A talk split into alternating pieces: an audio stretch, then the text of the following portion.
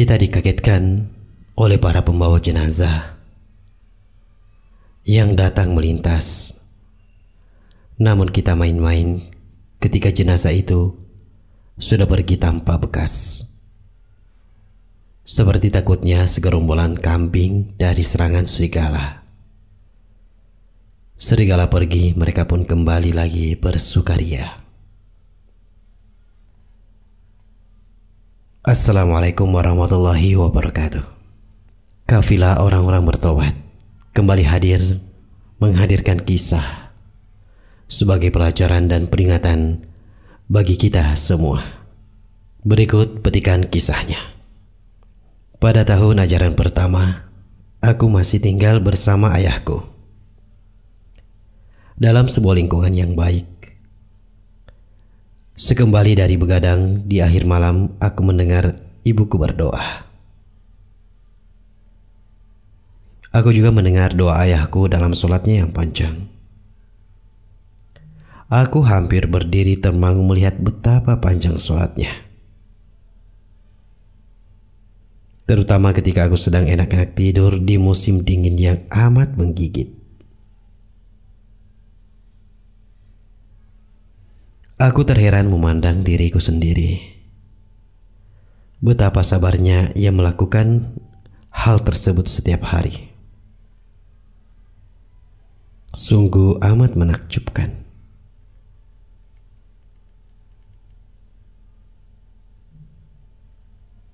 Aku belum menyadari bahwa perbuatan itu adalah kesenangan seorang mukmin. Itu adalah solat orang-orang pilihan. Mereka biasa meninggalkan pembaringan demi bermunajat kepada Allah. Setelah menyelesaikan satu fase dalam akademik ketentaraan, aku mulai tumbuh besar dan dewasa. Tapi bersamaan dengan itu pula, aku pun semakin jauh dari Allah. Meskipun aku sering mendengar berbagai nasihat yang mengetuk kedua telingaku dari waktu ke waktu. Setelah lulus, aku ditugaskan di sebuah kota di luar kotaku. Dan jaraknya amat jauh. Akan tetapi, karena aku sudah mengenal terlebih dahulu rekan-rekanku di sana, hal itu meringankan bagi diriku untuk susahnya hidup di perantauan. Saat itu sudah tidak terdengar lagi di telingaku suara lantunan Al-Quran. Sudah tidak terdengar lagi suara ibuku yang membangunkan diriku untuk sholat dan mendorongku untuk terus melaksanakannya. Aku kini hidup seorang diri. Jauh dari suasana kekeluargaan di mana aku pernah hidup sebelumnya. Aku pun ditempatkan dalam pekerjaanku untuk mengawasi jalan raya yang bebas hambatan dan di pinggir-pinggir kota. Tugasku menjaga keamanan, mengawasi jalan-jalan, dan melayani orang-orang yang memerlukan bantuan. Pekerjaanku berganti-ganti, dan aku pun hidup dengan nyaman. Aku melaksanakan pekerjaanku dengan rajin dan penuh dengan keikhlasan.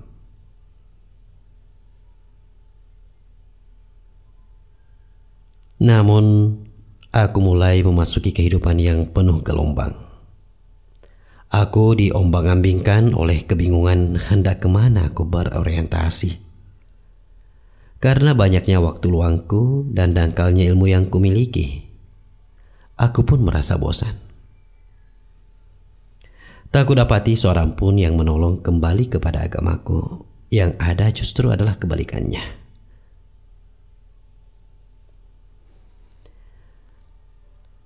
Yang kerap kali tersaksikan dalam kehidupanku sehari-hari adalah munculnya berbagai musibah dan kecelakaan.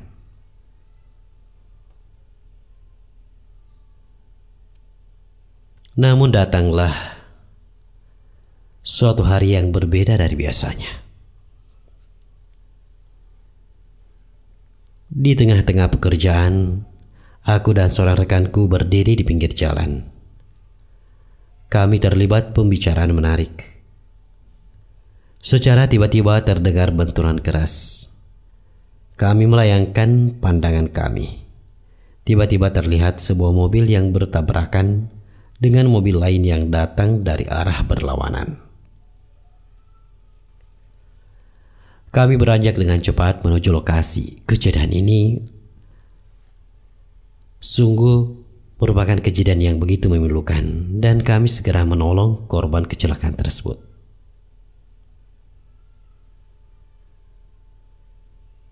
Sebuah musibah yang sulit digambarkan. Terdapat dua orang dalam mobil tersebut dalam kondisi yang mengenaskan. Kami mengeluarkan mereka dari mobil dan meletakkan tubuh mereka dengan membujur. Dengan cepat kami mengeluarkan penghuni mobil kedua yang kami dapati sudah meninggal dunia. Kami kembali menemui kedua orang yang pertama Ternyata mereka juga sudah dalam kondisi sekarat. Dan saat itu rekanku sibuk membimbing mereka berdua untuk mengucapkan syahadat. Ucapkan La ilaha illallah. Ucapkan La ilaha illallah. La ilaha illallah. Demikian kata rekanku. Namun mereka marah dengan keras melantunkan nyanyian. Kejadian ini sungguh memiriskan hatiku. Kebalikannya, rekanku itu sudah mengerti kondisi mendekati kematian seperti itu. Ia segera mengulang mengajarkan mereka mengucapkan kalimat syahadat. Aku berdiri mematung. tidak bergeming sedikit pun. Dengan mata melotot kupandangi kejadian itu. Belum pernah aku merasakan kondisi semacam itu sebelumnya. Rekanku berulang-ulang membimbing mengucapkan kalimat syahadat. Namun, keduanya juga terus saja menyanyi. Seakan-akan tak berguna sama sekali.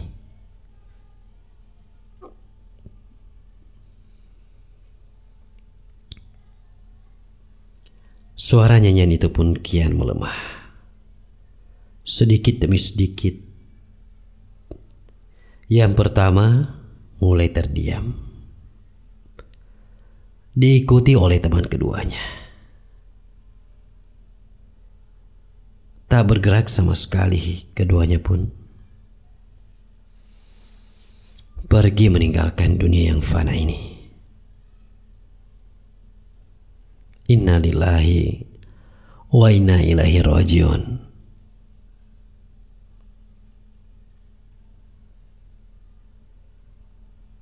Kami menggotong mereka ke dalam mobil. Rekanku terlihat tidak membuka mulutnya. Kami berjalan dalam keadaan diam seribu bahasa.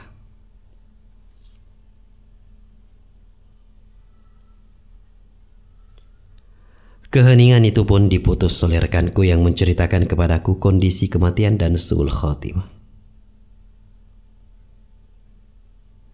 Sesungguhnya manusia itu akan ditutup kehidupannya dengan kebaikan atau keburukan. Penutup kehidupannya itu menunjukkan apa yang diamalkan selama hidupnya secara umum. Ia menceritakan kepada aku berbagai kisah yang disebutkan dalam berbagai buku-buku Islam. Bagaimana setiap orang itu akan menutup hidupnya dengan amalan zohir maupun batin yang selama ini ia lakukan.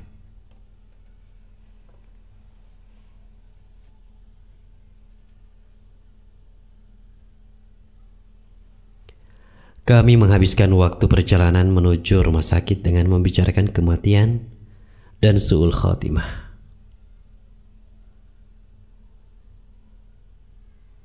Gambaran pembicaraan kami semakin lengkap ketika kami menyadari bahwa kami tengah membawa orang-orang yang mati di sisi kami. Aku sungguh takut dengan kematian. Kejadian itu sungguh menyadarkan diriku Sehingga hari itu aku sholat sedemikian khusyuknya.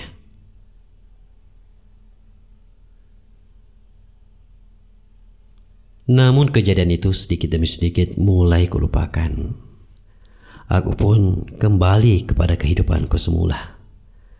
Seolah-olah aku belum pernah menyaksikan kedua orang itu menghadapi kematian. Tetapi terus terang, semenjak itu aku tidak lagi menyukai nyanyian.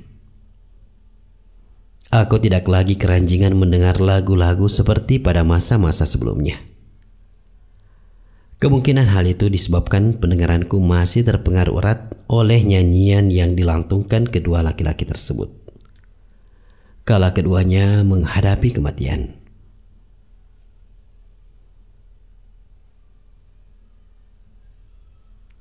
Namun secara tidak dinyana muncul hari yang penuh keajaiban. Setelah enam bulan berlalu terjadilah peristiwa mengejutkan. Ada seorang lelaki mengendarai mobilnya dengan perlahan. Namun tiba-tiba mobilnya itu mogok. Yakni di sebuah terowongan yang menuju ke kota. Ia berjalan kaki keluar mobilnya untuk memperbaiki kerusakan pada salah satu ban mobilnya. Ketika ia sedang berdiri di belakang mobilnya untuk menurunkan ban serep yang masih baik, tiba-tiba datang mobil yang berjalan kencang dan menabraknya dari arah belakang. Ia pun jatuh tersungkur amat kerasnya. Aku segera mendatanginya bersama temanku yang lain. Kami segera menggotongnya menuju mobil. Kami juga segera menghubungi rumah sakit untuk segera menjemputnya. Ia adalah seorang pemuda yang berusia belia.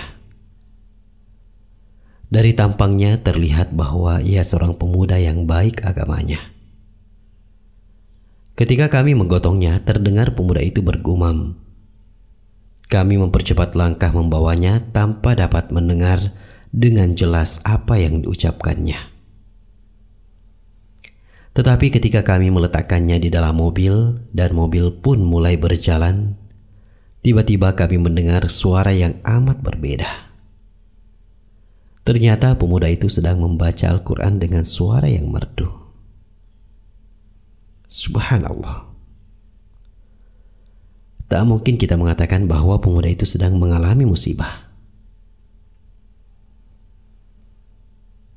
Darah sudah membasahi sekujur tubuhnya. Tulang-tulangnya berpatahan, bahkan terlihat sekali bahwa ia sedang menghadapi kematian. Namun ia terus membaca Al-Quran dengan suaranya yang merdu. Ia membacanya dengan tartil. Sungguh, seumur hidup aku belum pernah mendengar bacaan Al-Quran semacam itu. Aku berkata kepada diriku sendiri, Aku akan membimbingnya membaca syahadat sebagaimana yang pernah dilakukan oleh rekanku dahulu. Apalagi aku sudah memiliki pengalaman dalam hal itu.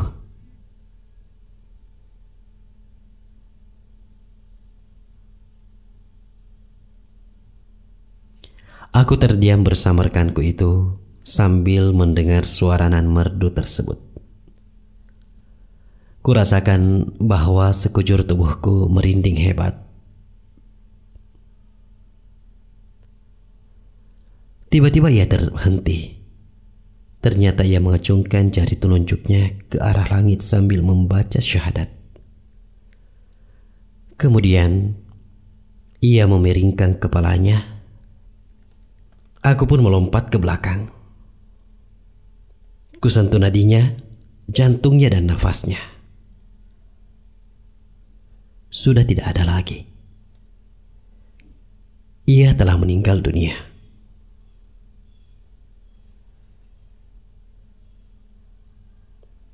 Aku memandanginya lama sekali. Air mata menetes dari mataku. Namun, Aku berusaha menyembunyikannya di hadapan rekanku tersebut.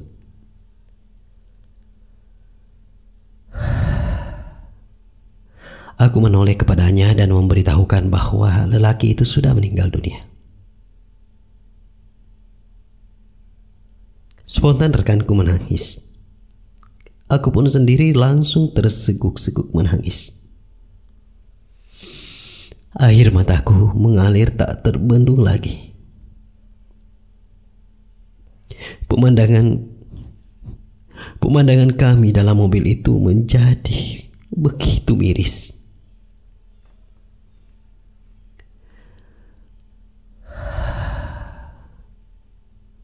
Kami pun sampai di rumah sakit. Setiap orang yang kami jumpai bercerita tentang laki-laki tersebut.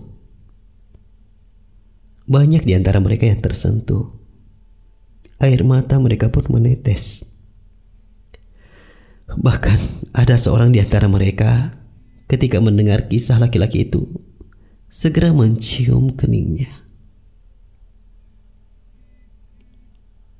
Semua orang tidak ada yang beranjak sampai mengetahui dengan jelas kapan laki-laki itu akan disolatkan, sehingga mereka bisa ikut mensolatkannya. Salah seorang petugas rumah sakit menghubungi rumah korban tersebut. Yang menerima telepon adalah saudaranya. Ia menceritakan bahwa saudaranya itu biasa pergi pada hari Senin untuk mengunjungi neneknya yang tinggal seorang diri di desa. Saudaranya itu biasa memberikan perhatian terhadap janda-janda, anak-anak yatim, serta orang-orang miskin. Orang-orang di kampung itu sudah mengenalnya karena ia biasa membagikan kaset dan buku-buku Islam kepada mereka. Ia juga biasa pergi dengan membawa mobil yang penuh dengan beras dan gula untuk dibagikan kepada orang-orang yang membutuhkan. Ia juga tidak pernah lupa membawa kembang gula untuk menggembirakan anak-anak kecil. Ia selalu membantah orang-orang yang berusaha menghalanginya untuk bepergian dengan mengingatkan bahwa perjalanan itu membutuhkan waktu lama.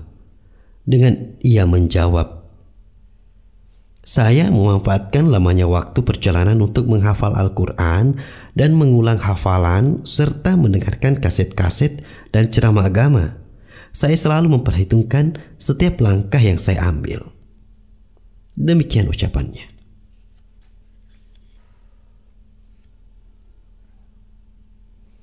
Keesokan harinya, masjid pun penuh sesak oleh orang-orang yang mensolatkannya. Aku turut mensolatkannya bersama jamaah kaum muslimin yang banyak jumlahnya.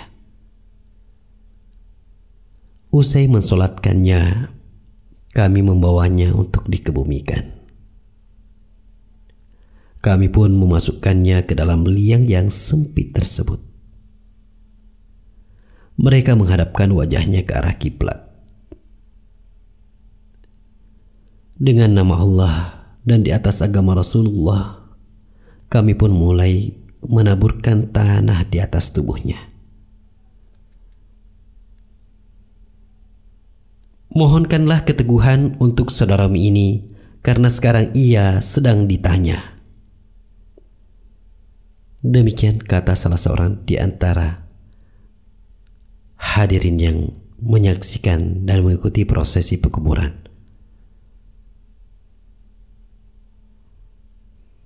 Ia sudah memasuki hari pertamanya di alam akhirat. Sementara aku seolah-olah baru memasuki hari pertamaku di dunia ini.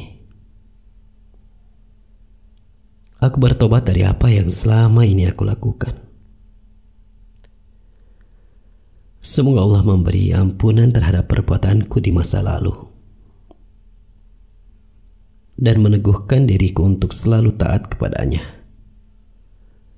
lalu menutup kehidupan dengan kebaikan. Kemudian menjadikan kuburanku dan kuburan setiap muslim sebagai salah satu taman-taman surga. Amin ya Rabbal 'Alamin. Sesungguhnya manusia itu akan menutup kehidupannya dengan kebaikan atau keburukan. Penutup kehidupannya itu menunjukkan apa yang diamalkan selama hidupnya secara umum. Setiap orang akan menutup hidupnya dengan amalan zohir ataupun batin yang selama ini ia lakukan.